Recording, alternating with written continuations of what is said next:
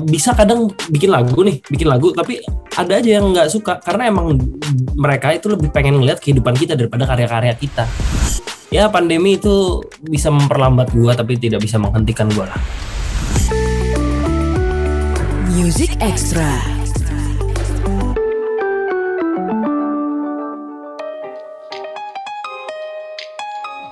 Halo good friends, Music Extra barengan gue Reno Aditya. Kita kedatangan Elnanda Utomo. Wah, itu yang yang lebih dikenal dulu di sosial media nih. Jadi, Iya. eh, apa kabar El? Baik, Mas. Jadi gue eh, tahu lo itu dari temen gue. Gue tanya kan lo tahu Elnanda Utomo? Oh, yang Telegram ya? Ah, serius lo ya? Tapi, enggak, kita sebelum kita ngomongin soal masih lo. Cowok Nah. dicap sebagai Telegram tuh rasanya gimana sih? Kayaknya enggak sih. enggak sih. Soalnya emang bukan di situ sih. Nggak bisa menginfluence people lah, bukan influencer. Cuman kan saat orang eh, menganggap lo penting di sosial media, Hmm. itu jadi beban gak sih pada akhirnya kayak kayak orang ngikutin hidup lo, ngikutin apa yang lo omongin gitu. Nah itu dia masalahnya. Kayaknya nggak ada yang ngikutin gue yang gue omongin. Makanya bisa gue sebagai influencer. atau atau selegram atau apa pun namanya ya. iya. Tapi itu tadi good friends. Em, kenapa gue bilang gue buka dengan seperti itu karena kan seperti biasa setelah sebelum gue ngobrol sama uh, tamu kita, gue pasti cari tahu dulu ini siapa ya gitu kan. followersnya Elnada termasuk banyak 318 ribu which artinya adalah uh, gue gak ngerti apakah ini nanti akan berpengaruh sama penikmat musik lo atau enggak gue pernah ngobrol sama seorang penyanyi juga Hmm. yang dia dia emang ngerasa iya sih gue dulu sempat jadi selebgram dia bilang gitu kan Hmm. nah, gue tanya apa sih pengaruhnya ada pengaruh gak sih followers lo yang banyak sama pendengar musik lo gue bilang Hmm. gitu kan Uh, dia bilang mungkin ada mungkin nggak ada karena kan nggak semua misalnya orang yang punya ratusan ribu followers ketika dia buat karya akan didengerin banyak orang tergantung sama karya yang dia ciptain. Ya, betul. Kalau opini lo sendiri gimana ya? Bener sih yang di itu gangga ya itu mas. Iya betul. Bener bener. Nggak nggak apa namanya nggak tapi itu memang membantu uh, membantu dalam promosi dan sebagainya itu membantu kalau menurut gua dan uh, dan itu bukan kayak uh, bisa kadang bikin lagu nih bikin lagu tapi ada aja yang nggak suka karena emang mereka itu lebih pengen ngeliat kehidupan kita daripada karya-karya kita Oke. lebih tepatnya Iya iya iya iya karena uh, hidup di bawah spotlight itu spotlight itu nggak selalu menyenangkan berfriend. Kita kayak gini deh apa yang Elnanda lakukan, yang lakukan kan bikin karya, berkarya, menumpahkan isi kepala gitu kan. Hmm. Uh, soal lo suka atau enggak itu kan relatif. Ya. Yang salah adalah ketika lo menganggap karya orang lain itu nggak bagus padahal lo nggak bisa berkarya. benar Itu yang salah. Tapi gue bisa bilang Elnanda ini adalah penyanyi yang lahir di masa pandemi ya. Nah, sebelum pandemi berapa bulan sebelum pandemi lah Iya masa pandemi ya. sebelum pandemi Oke, sebagai penyanyi baru, penyanyi baru dong. ya betul betul Yang yang ketika mulai berkarya, lagu pertama lo itu beberapa bulan sebelum pandemi. Kemudian eh, pada saat itu kan kita belum tahu tuh, Hmm. kan ada pandemi seperti sekarang. Pasti yang ada di kepala lo adalah saat karya lo rilis, lo akan memperkenalkan karya lo, manggung atau showcase kah, atau apa pun itu yang seperti pada umumnya musisi lakukan. Nah, ternyata pandemi terjadi. Pada saat itu apa sih yang yang aduh, aduh gimana nih gitu? Eh, kalau misal yang pas eh, itu gue Januari Januari rilis habis itu eh, gua udah mulai dapat panggungan. Sebelumnya gue udah pernah manggung tapi gue bawain lagu bawain lagu orang.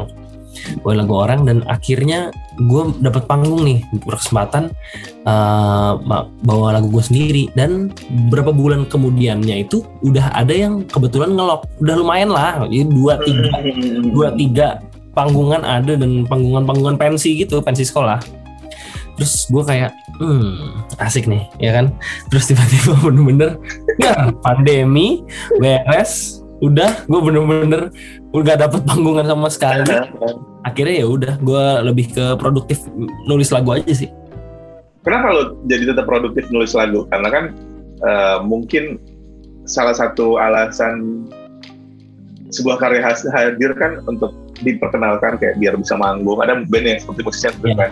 Hmm. Kalau misalnya bawain lagu yang itu, aja bosen ntar. Jadi uh, harus bikin karya baru selain menumpahkan inspirasi juga biar kalau manggung ada lagu baru yang dibawain.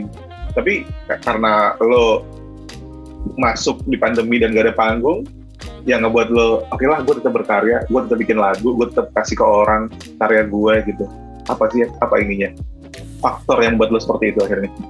Gue juga nggak tahu ya tapi mungkin banyak banyak hal-hal di pandemi ini yang bikin stres bikin apa dan sebagainya ya nggak sih? Yang bikin kayak nggak ada kerjaan di rumah doang. Jadi akhirnya nggak tahu mau ngapain lagi. Ya udah gue produktif nulis lagu aja dan produksi akhirnya rilis lagi. Dan ya pandemi itu bisa memperlambat gue tapi tidak bisa menghentikan gue lah. Eis, cakep banget. Cakep banget, bener, bener, bener, bener, bener. Karya yang hadir itu kalau sebenarnya di Good Friend, uh, Eldanda itu mampir hari ini di Music Extra pengen memperkenalkan single terbarunya yang berjudul Dahulu ke Sekarang. Tapi nggak sah rasanya karena juga karena gue juga baru kenal dan mungkin sebagian dari lo juga baru tahu kalau Eldanda itu punya karya musik. Kita akan ngobrolin sedikit juga karya-karya yang udah pernah dirilis sama Elnanda. Udah bisa dinikmati di berbagai digital platform. Ada semestinya untuk segalanya, untuk segala sesal, terbengkalai, dan yang terbaru adalah dahulu ke sekarang. Ya. Nah, kalau ngomongin karya-karya lo, eh, awal lo kepikiran buat bermusik itu ketika dengerin siapa sih? Eh, kalau dengerin siapa sih nggak nggak ada sih karena emang dari gue dari kecil sampai bes- tumbuh besar tuh dengan musik Hmm. Nyokap gue tuh orang label, bokap gue juga orang label. Jadi gue dulu tuh banyak di lemari, gue CD CD dulu, zaman zaman dulu CD banyak banget. Emang udah dicokokin musik dan bokap gue kebetulan gitaris, gitaris gereja. Oke. Nah kalau untuk dengerin, da- karena dengerin siapa sih enggak sih, nggak ada. Dengerin siapa terus tiba-tiba jadi nulis lagu enggak? Tapi sampai terbentuk musik lo yang seperti sekarang ini, ngelewatin prosesnya Ah, gimana pasti? Nah, gue banyak banyak referensi. Referensi gue John Mayer, Justin Vernon, Bon Iver. Uh, Jack Antonoff dan sebagainya. Gue banyak banyak banyak referensi sih lebih tepatnya. Ya ya ya. Sebenarnya kalau misalnya lo dengerin Good Friends, lo akan sependapat sama yang uh, El, El, El bilang tadi. Ada beberapa kayak rasa-rasa Bon Iver, John Mayer di beberapa lagu lo ya. Mhm, Benar. Tapi itu tadi karena uh, hal, gimana pun juga ketika kita berkarya pasti kita punya inspirasi Yes. yang ngebuat kita jadi jadi ada di uh, memutuskan untuk berada di titik ini gitu di karya yang seperti ini. Nah dari keempat karya lo yang udah rilis sampai ke dahulu lima ya lima ya ditambah siapa, Siapa? ya kalau nggak salah ya Nah, lima karya lo yang udah rilis ditambah ke dahulu ke sekarang apa sih yang perubahan dari lagu ke lagu apa yang lo rasain pada akhirnya karena kan setiap berkarya tuh pasti ada Ya. progres ya nggak Ya, nah, gue merasa makin bertumbuh dari dari segi penulisan lagu ya. Dari penulisan penulisan lagu gue tuh semakin gue kayak, uh, gue semakin bertumbuh nih karena kebetulan pandemi ini bikin gue banyak nulis lagu sih. Hmm. Bikin gue nulis lagu banyak uh, dan gue ngerasain kayak wah ternyata wah dulu gue pertama kali katrok banget bikin nulis lagu katrok banget bener-bener katrok kayak hey cantik mempesona dirimu kayak gitu gitu gitu lah makanya yang gue kayak aduh katrok banget. Dan lama kelamaan gue bisa men- banyak baca mungkin ya banyak baca juga. Gue banyak dengerin lagu banyak banyak baca baca lirik baca baca lirik. Dan itu yang ngebuat gue bisa sampai sekarang sih bisa nulis dan menurut gue gue banget gitu. Termasuk karya yang terbaru Good Friends dahulu ke sekarang. Kalau denger dengar lo dengerin liriknya sederhana tapi dalam. Ada beberapa beberapa kata yang kayak gila ini kenapa sih lo bikin lirik seperti ini? gitu. Ya nggak sih? Nah, ketika dahulu ke sekarang ini lo buat lo ada lagi ada di dalam eh, momen yang seperti apa ya gue di sini jadi dalam dahulu ke sekarang itu gue ada dalam momen di mana ada gue ada masalah dalam keluarga. Ada masalah dalam keluarga gue dan gue tiba-tiba dapat kabar dan akhirnya gue langsung bener-bener dari itu gue nafas dulu terus habis itu gue langsung ambil gitar gue langsung tulis lagunya proses lagunya satu setengah jam satu setengah jam sampai dua jam itu. Penulisan lagu. Yes. lagu lirik dan nada? Lirik ya lirik dan ada semua notasi Oke. Karena jujur aja ketika gue denger, gue dengerin empat lagu lo, dari uh, lagu ke lagu gitu kan. Dari nuansanya emang yang paling kelam adalah dahulu ke sekarang sih sekarang benar ya kan Ya. berasa banget lukanya sedihnya Iya. good friend Hmm. dan itu kelebihan dari seorang seniman dia bisa menumpahkan perasaannya lewat karya Ya. ya kan dan uh, banyak banyak orang yang memutuskan diri untuk jadi musisi seniman apa pun itu yang berkarya karena mereka ngerasa punya wadah untuk menumpahkan apa yang dia rasakan. Dia pikirin gitu. Ya. itu terjadi sama lu juga nggak sih? Ya benar. Eh gue tipikal orang yang nggak nggak nggak terlalu suka cerita sama orang. Cowok soalnya kita kan? Ya kayak dan aneh gitu ya. ya dan kayak hmm, gue nggak ngerasa nggak ada solusi dan nggak ngerasa lega aja sih. Gue nggak ngerasa kelegaan dalam diri gue kalau gue cerita ke orang. Tapi gue bisa menumpahkan sisi lain gue yang orang-orang lihat gue cuman ketawa-tawa lucu-lucu dan sebagainya. Dan di lagu-lagu gue tuh banyak yang orang-orang nggak tahu gitu. Di balik di balik gue kesedihan gue masalah gue dan gue tumpahkan di musik gue oke. Gitu. gimana dengan sosial media? Karena lo punya banyak followers kan? Lo pernah gak sih kayak sebagai ya kayaknya hampir semua orang pernah ngelakuin ini curhat di sosial media. Hmm. Atau berekspresi lah di sosial media lo pernah gak sih yang seperti itu? Kayak eh, ya lagi bete lu Ah. share di sosial media marah-marah di sosial media. Gak pernah gue sama sekali. Nggak bisa gue kayak gitu.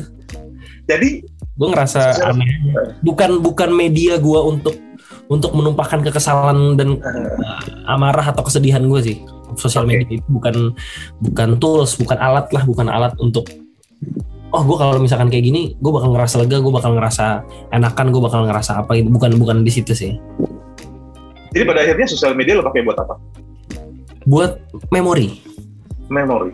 Memori gue jadi gue senang banget kalau misalkan gue ngeliat sosial media gue Instagram gue apalagi. Gue ngeliat wah ke bawah-bawah tuh aduh ini lucu banget seru banget. Gue kayak ini momen-momen gue lagi di sini.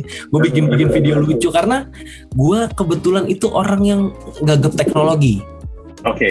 Jadi gue kalau setiap ganti HP itu kalau iPhone kan bisa backup. Nah gue tuh nggak pernah nge-backup. Gue nggak ngerti caranya sampai sekarang nge-backup. Makanya jangan kalau beli di toko resmi emang susah backupnya. Makanya gue biasanya belinya di ITC dibantuin backup. Gue nggak ngerti cara nge-backup nge-backupnya. Dan akhirnya video-video lucu gue hilang dari gue SMA video-video gue SMA foto-foto gue di SMA itu kan momen dan memori-memori gue yang nggak bisa yang wah gila ini gue lupa nih kapan nih ya? Gitu loh kapan nih? Mhm. nih jadi akhirnya gue masukin ke sosial media gue di Instagram dan itu berguna buat gue kayak ah gue kalau lagi bosen ngeliat-ngeliat ini eh ini zaman gue ini nih ini zaman gue ini nih. Wah gila. Itu sih sosial sebagai memori ya. Sebagai tempat lo meletakkan memori lo di sana. Jadi sebenarnya ra- ranah ranah pribadi yang orang orang bisa bisa bisa akses ke sana tapi bukan berarti lo bisa ikut campur good friend. Itu juga yang terjadi sama gue sih Tapi kalau gue lebih ke tidak tidak ber- banyak berinteraksi di sosial media. Music Extra. ini ngomongin soal musik kembali kita ke ke, ke seorang Elnanda Utomo yang musisi. Dua tahun jadi musisi kurang lebih dua tahun ya. Hampir dua tahun di Januari besok. Hmm. apa yang lo dapat sih selain lo berkarya? Gue menemukan banyak solusi dari setiap masalah gue oke di setiap gue menulis lagu itu gue ngerasa lega gue bisa merasa menumpahkan uh, rasa yang nggak bisa gue tumpahkan di, tem- di, di tempat lain. Tapi gue juga menemukan solusinya gitu loh. Kayak oh ternyata kayak gini ya oh ternyata kayak gini ya gitu loh. Oh ternyata uh, kayak lagu dari dahulu ke sekarang ya kalau dahulu ke sekarang. Oh ternyata rumah tuh menurut gue ya ini menurut gue rumah tuh bukan keluarga bukan teman bukan pasangan gue ya ternyata rumah adalah diri gue sendiri ya gitu loh oke itu sih yang gue dapet rumah adalah diri lo sendiri. Ya. Karena pada akhirnya yang nemenin kita good friends adalah diri kita sendiri. Betul. Ya kan? Nah mungkin saat ini lo punya seseorang, lo punya pasangan, lo punya pacar, lo punya istri, punya suami, punya keluarga. Tapi akan ada titik di mana lo akan menjalaninya sendirian. Jadi Ya. kayak uh, kalau lo nggak menghiasi diri lo dengan baik, maka nantinya rumah lo nggak akan nyaman juga buat disinggahi. Hmm. dalam sekali omongan gue hari ini. nah, dua tahun itu yang lo dapetin dari, tapi di sisi lain gitu, dalam dua tahun pasti ada banyak perubahan dong. Dua tahun yang lalu lo masih 20 tahunan kan? Ya, 20 tahun. Sekarang, sekarang paling enggak pandemi itu buat gue, ketika gue ketemu beberapa orang teman gue, misalnya setelah setahun gak ketemu gitu, pandemi itu ternyata banyak mendewasakan orang. Benar dari cara berpikirnya, cara dia mengatur hidupnya. Kalau dulu sebelum pandemi mungkin kita bisa agak asal-asalan hidupnya kan. Saat ini enggak, ternyata banyak teman-teman gue yang gue, gue temuin ketika udah bisa ketemu ngobrol, lo banyak berubah ya. Lebih wise, lebih santai. Ya. Ada juga sih yang lebih jadi pendiam. Nah, kalau kalau ke diri lo sendiri gimana? Lebih apa ya kalau gue pandemi ini?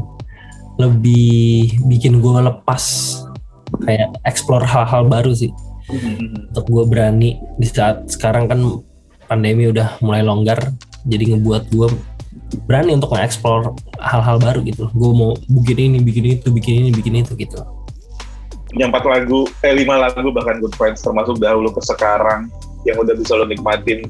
Um, ada music videonya kalau nggak salah ya dahulu dan uh, sekarang.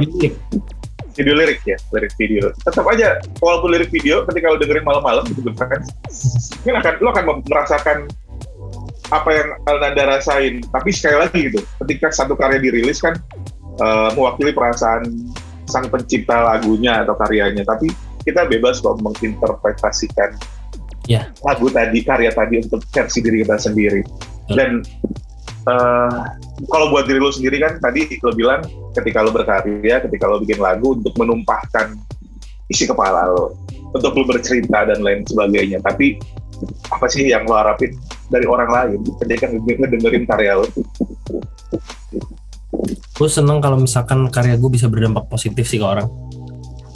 Kayak dia juga bisa, hmm, sebenarnya kayak bisa juga dia apa namanya walaupun interpretasinya beda-beda cuman um, seneng aja bisa ngebantu ngebantu orang gitu di lagu-lagu gue ngebantu gue karena gue cukup banyak di lagu gue yang sekarang di lagu yang dahulu ke sekarang dan semestinya yang sebelumnya itu banyak orang yang uh, nge-DM gue gue nggak tahu itu bener atau enggak ya. Cuman banyak banget yang menyelamatkan sampai ada yang menyelamatkan untuk bunuh diri Gak jadi bunuh diri gara-gara lagu itu. Gara-gara lagu semestinya. Terus gue kayak, gue gak tahu itu bener atau enggak, cuman dari ceritanya dia itu kayak, ah ini kayak beneran gitu loh. Dan punya karya yang berimpact besar gitu ke orang lain ternyata gila ya rasanya ya.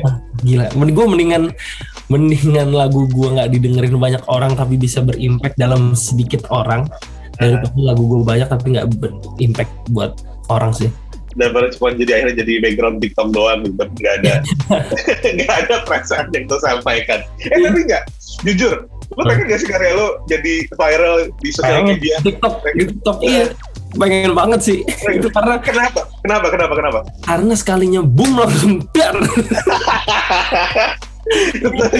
sekali dong nah, realistis aja sih sebenarnya. Kita pada realistis aja iya bener boom juga makan Betul, itu dia, itu dia.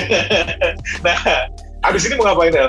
Empat, lima lagu, ada rencana punya album gak sih? Atau, atau mengingat sekarang kan udah pandemi udah mulai mereda. Kemarin udah sempat ada, walaupun kalau di Jakarta kan Good Friend belum ada konser yang bisa dihadiri langsung sih, tapi kemarin sempat ada drive-in konser. Tapi gue sempat ngeliat di beberapa daerah di Jogja, temen gue manggung di Makassar. Ya Makassar.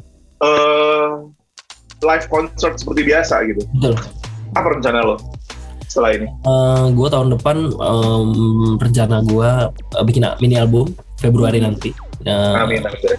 Sekarang doain aja semoga lancar dan um, empat udah sekarang udah 40% lah prosesnya. Sekarang udah 40%, okay. udah udah recording semuanya. Termasuk lagu-lagu yang udah dirilis ini gak sih? Enggak, enggak termasuk. Baru lagi. Baru, satu ini. Oh, nice. Keren, keren, keren, keren. Jadi live tunggu good friend. Uh, kalau lo sekarang belum bosan dengerin lima lagu yang udah dirilis sama L, berarti lo nikmatin dulu karena akan ada karya baru nanti di Februari. Mudah-mudahan uh, nggak tahu Februari kan biasanya kalau ada musisi yang bilang gue akan rilis lagu di Februari gue akan nanya balik cie buat materi Valentine ya tapi gue kebalikannya ah gitu lagu gue tentang patah hati semua ini Oke, oke, semua orang oke. nggak semua orang di, di bulan cinta merasakan cinta Ah, benar, benar, benar, benar, benar. gue akan Februari kemarin gue tidak merasakan cinta sih. Iya, Nah. benar, benar, benar. akan menjadi avant-garde Ah, Oke, pasti banyak banget uh, good friends rencana Elnanda saat ini. Mengingat baru baru mulai banget berkarya, ya kan? Ah, gue yakin masih banyak yang dia pelajarin. Kalau karena buat gue ketika gue dengerin satu karya karya seseorang gitu ya, apalagi orang yang mau gue ajakin ngobrol, gue dengerin paling nggak tiga karya tiga lagu terakhirnya gitu. Apa sih yang berbeda gitu? Uh, begitu juga dengan karya-karya baru lo rilis. Walaupun ada benang merahnya, tapi emang ini Anda lagi berusaha menjajaki yang mana yang paling nikmat untuk dikasih ke orang-orang. Dan sebenarnya yang paling gampang untuk membantu menilai adalah lo good friend. Lo yang menikmati karya-karya tadi. Jadi uh, itu akan jadi kayak semacam benchmark buat Anda. Oke, orang suka seperti ini. Dan gue juga dan gue juga sangat suka bikin materi seperti ini. Itu akan membentuk karakter penyanyi kesukaan termasuk Elnanda nantinya. Well, El, makasih banyak udah mampir ke Music Extra kali ini. Terima kasih sukses banget. Uh, gue sangat suka dengan banyak musisi-musisi baru dengan berbagai gaya bernyanyi apa ya bahasanya genre yang mereka tawarin karena itu memperkaya Ya. musik Indonesia ya nggak sih? Ya. Dan jangan lupa ingat jangan sampai kelepasan Tuhan di sosial media ya, friend. Berikan curhat di lagu, jadi duit beneran. nah, sebagai penutup apa sih yang pengen lo sampaikan ke good friend, pecinta musik lo, orang-orang yang dengerin musik lo? Waktu yang paling nikmat mendengarkan karya-karya dari seorang Elnanda Utomo. waktu yang paling nikmat itu malam sih. Pastinya semuanya. Waktu yang paling nikmat untuk mendengarkan karya-karya gue itu di saat malam hari di saat lagi sendiri atau di saat lagi berkontemplasi terus nggak tahu ngapain lu dengerin lagu gue. Semoga bisa berdampak positif untuk kalian bisa semoga bisa membantu semoga bisa mendapatkan solusi dari eh, lagu-lagu gue walaupun tidak membantu banyak tapi ya semoga membantu sedikit pun juga nggak apa-apa Minimal menghibur lo. ini Ya memang betul Well, itu dia teman baru kita Good Friends di Music Extra Elnanda Utomo. Music Extra.